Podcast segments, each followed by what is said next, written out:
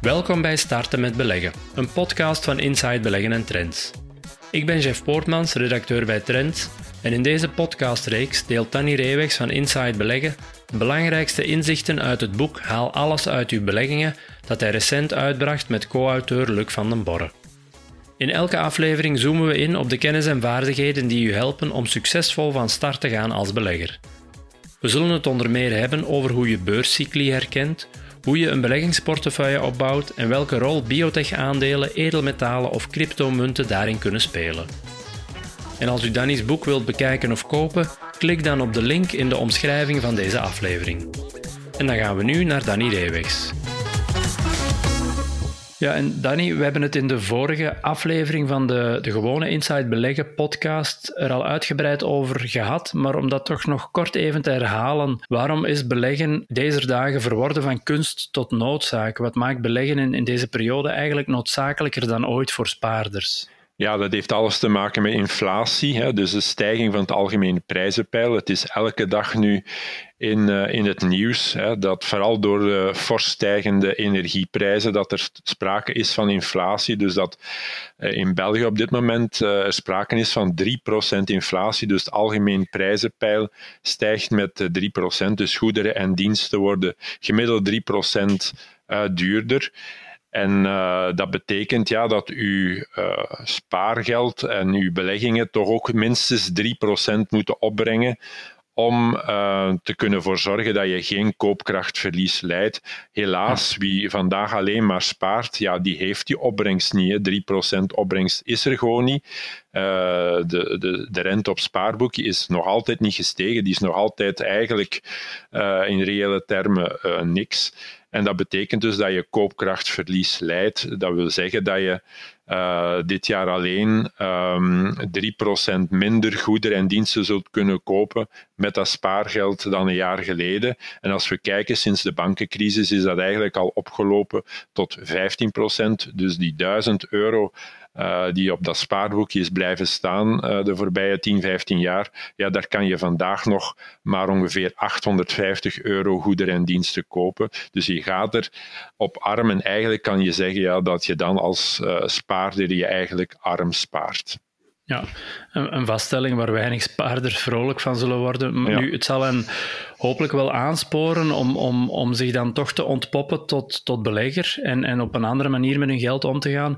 Nu, een van de belangrijkste adviezen die jullie aan het begin van jullie boek geven, is um, voor beginnende beleggers dat ze zeker rekening moeten houden met de beleggingshorizon. En ja, hoe langer die is, hoe beter eigenlijk. Maar ja, waar is dat op gebaseerd? Welke argumenten pleiten eigenlijk voor een zo lang mogelijke beleggingshorizon? Ja, wat we zeker willen aanhalen in dat boek, Haal alles uit uw beleggingen, is ja, dat dat uh, beleggen eigenlijk een, een, marathon is. Dat is geen sprint trekken, hè, dat is een, een marathon lopen, omdat je in beleggen niet kan weten wat de opbrengsten zijn op korte termijn. Die kunnen heel hard schommelen. Hè. Kijk naar begin vorig jaar, als je toen begon als uh, belegger op de beurs, ja, dan had je enkele maanden later uh, een verlies van 30 uh, procent. Want niemand had kunnen voorzien ja, dat die COVID-19-pandemie er ging zijn, dan zijn de beurzen onderuit gegaan. Maar voor, uh, op dit moment zijn ze al volledig hersteld. Dus op, op korte termijn zitten daar wel flink wat schommelingen, of kan dat zijn, hè, want die min 30%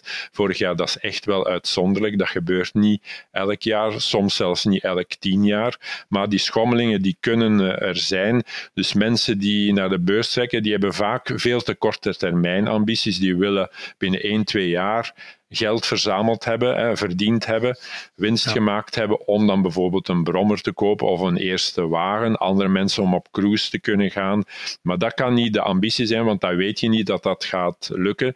Het is echt wel kijken op lange termijn. Dan zit je met meer vaste zekerheden qua, qua opbrengst en dergelijke. Dus dat is toch echt het uitgangspunt. Als je beslist om belegger te worden, is dat niet om volgend jaar iets te kunnen realiseren, maar is dat om extra te hebben, om uh, beschermd te zijn tegen koopkrachtverlies, maar om extra spaarpotje op te bouwen op lange termijn. Ja, en als we dan gaan kijken naar de instrumenten of de activa-klassen die beleggers voorhanden hebben om hun portefeuille mee op te bouwen, wordt er grosso modo een onderscheid gemaakt tussen enerzijds het vastrentende gedeelte, dat zijn obligaties en, en, spaarboekjes, en anderzijds aandelen. Nu, het gros van jullie boek gaat over aandelen en daar zal ook het gros van de podcastreeks over gaan, maar om toch even stil te staan bij dat vastrentende gedeelte. Vroeger zei men altijd, elke goede portefeuille bestaat uit een mix van, van die twee, van vastrentend en van aandelen. Maar dat vastrentende is steeds minder rendabel geworden in de afgelopen jaren. Hoe komt dat? Ja, dat is door het beleid van, uh, van de centrale banken. Hè, want die wilden vooral de, de mensen die geld wilden ophalen, bedrijven en overheden ondersteunen hè, om de economie. Hè, sinds de, de bankencrisis ja, zag, zat je daar met een grote uh, recessie, hè, dus een, een, enorme terugval in de economie, een, een financieel systeem dat wankel was. En dus ja. moest op dat moment de economie overeind gehouden worden en moesten dus uh, investeringen van bedrijven en ook uitgaven van overheden moesten die ondersteund worden. Dat was in, in eerste instantie de bedoeling om dat enkele jaren te doen, dus een korte termijn project om door die moeilijke crisis te komen. Alleen moeten we nu vaststellen ja, dat dat, dat die economie toch bijna die permanente ondersteuning nodig had. Hè, want vorig jaar met de coronacrisis is dat nog eens opnieuw duidelijk naar voren gekomen dat uh, centrale banken heel hard moesten ingrijpen om de economie overeind te houden en ook om de mhm. overheden te, te ondersteunen. Die wilden hè, en hebben dat ook gedaan, hè, gezorgd voor tijdelijke werkloosheidssystemen van ondersteuning, bijvoorbeeld van horeca-uitbaters, maar dat heeft heel veel uh, geld gekost. Die coronafactuur is heel hard opgelopen en dus zijn de overheidsschulden vandaag heel hoog. Dus overheden zoals België zijn eigenlijk niet in staat om 3, 4 procent rente te betalen. Of dan zouden ze heel hard moeten bezuinigen op hun uitgaven. En dan zouden ze dus dat economisch herstel moeten vernuiken. Dus vandaar dat de rente zo laag mogelijk wordt gehouden. En dat is natuurlijk ten nadele van de obligatiebelegger, van de bezitter van een spaarboekje, die eigenlijk uh, het gelag moeten betalen, eigenlijk die banken- en coronacrisis mee financieren.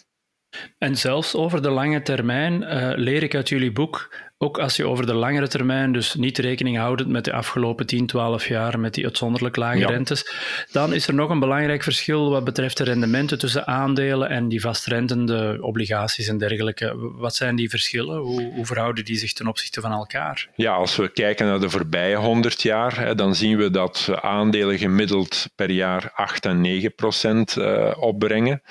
Um, daar waar obligaties zitten op 5 à 6 procent. En nu is dat veel minder, maar er zijn ook periodes in de jaren 80 van vorige eeuw bijvoorbeeld, kon je obligatierentes hebben van meer dan 10 procent, omdat je toen een hoge inflatie had. En cash, ja, dat brengt 2 à 3 procent op. Ja, dat is de inflatie op lange termijn. Hè. Daar zitten we nu terug, 2 à 3 procent, maar we zijn uh, de voorbije tien jaar vaak op 0 of 1 procent geweest, in, zeker in Europa. Maar we zijn dus ook veel hoger geweest. Uh, dus de cash-opbrengst is 2 à 3 procent, obligaties 5 à 6 en aandeel 8 à 9 procent. Dus je ziet wel dat je uh, risico, dat toch wel hoger ligt bij aandelen ten opzichte van obligaties of een spaarboekje, dat dat risico gecompenseerd wordt door een hoger, hoger rendement. En zeker vandaag is dat het geval. Kortom, aandelen blijven wel onontkoombaar als, als belangrijkste grondstof voor, voor beleggers om toch nog iets van rendement te behalen uh, als spaarder en als belegger. Nu, voor degenen die zich als aandelenbelegger willen lanceren, schuiven jullie ook wel een aantal stelregels naar voren om dat op een goede manier, op een succesvolle manier te doen. Maar waar houden aspirant-beleggers best allemaal rekening mee om, om goed van start te gaan? Vaak wordt begonnen doordat ze enthousiast zijn, omdat ze een of ander artikel, een of ander boek hebben gelezen. En dan gaat men maar lukraak wat tips volgen. Nu, dat is geen goede start. Je moet daar toch echt wel mee bezig zijn. Zoals je, hè, ik vergelijk het al bijvoorbeeld, als je wil gaan, uh, gaan golven, ja, dan kan je gewoon uh, op een balletje beginnen te slaan. Maar ja, dan ga je niet snel uh, de hole gaan bereiken. Hè. Je ja. kan daar ook best les gaan volgen en oefenen. Regelmaat is belangrijk. Hè. Je wordt pas een goede golfer, maar ook een goede aandelenbelegger door er regelmatig mee bezig te zijn. Vaak heb je dan enkele vaste tijdstippen per week dat je met die hobby uh, bezig bent. En dat zou met uh, het beleggen op de beurs ook het geval uh, moeten zijn. En in alle periodes, in goede en in slechte tijden. Het is niet omdat een keer minder gaat, dat je er dan geen aandacht meer moet aan besteden. Nee, en zeker op de beurs, het is net in die uh, slechte periodes, kijk naar maart 2020, uh, eh, kijk naar maart 2009, dat zijn de ideale momenten en dan heb je fantastische opportuniteiten, maar dan moet je er op dat moment ook mee bezig zijn. Vaak hoor je beleggers zeggen, uh, die op de beurs actief zijn van ja, maar ja, ik kijk er momenteel niet meer naar, want de verliezen zijn te groot. Nee, dat mag je dan niet doen. Dan kan je net fraaie opportuniteiten benutten. Dus regelmaat is belangrijk, les volgen, uh, bestuderen. En niet alleen uh, mee bezig zijn, is niet alleen naar, naar koersevoluties kijken, want op zich leren niet. Nee, is ook bedrijven bestuderen uh, en dat soort zaken, daar moet je mee bezig zijn. Tot zover eh, de basisprincipes die gelden voor, voor elk belegger, jong en oud, eh, ervaren en minder ervaren, om dat toch eh, op een succesvolle manier te doen. Maar je bent ehm, voor nu bedankt voor jouw inzichten daarover. En volgende week zullen we het verder hebben over hoe je als belegger de cycli op de beurs kunt herkennen. Ook een heel belangrijke vaardigheid om dat te kunnen doen. En waarom het ook belangrijk is dat je je beleggingen spreidt in de tijd. Maar dat zal voor volgende aflevering zijn. Maar bedankt voor nu. Tot later. Dag. Tot zover deze aflevering van Starten met Beleggen. Bedankt voor het luisteren. Aarzel zeker niet om de aflevering te delen.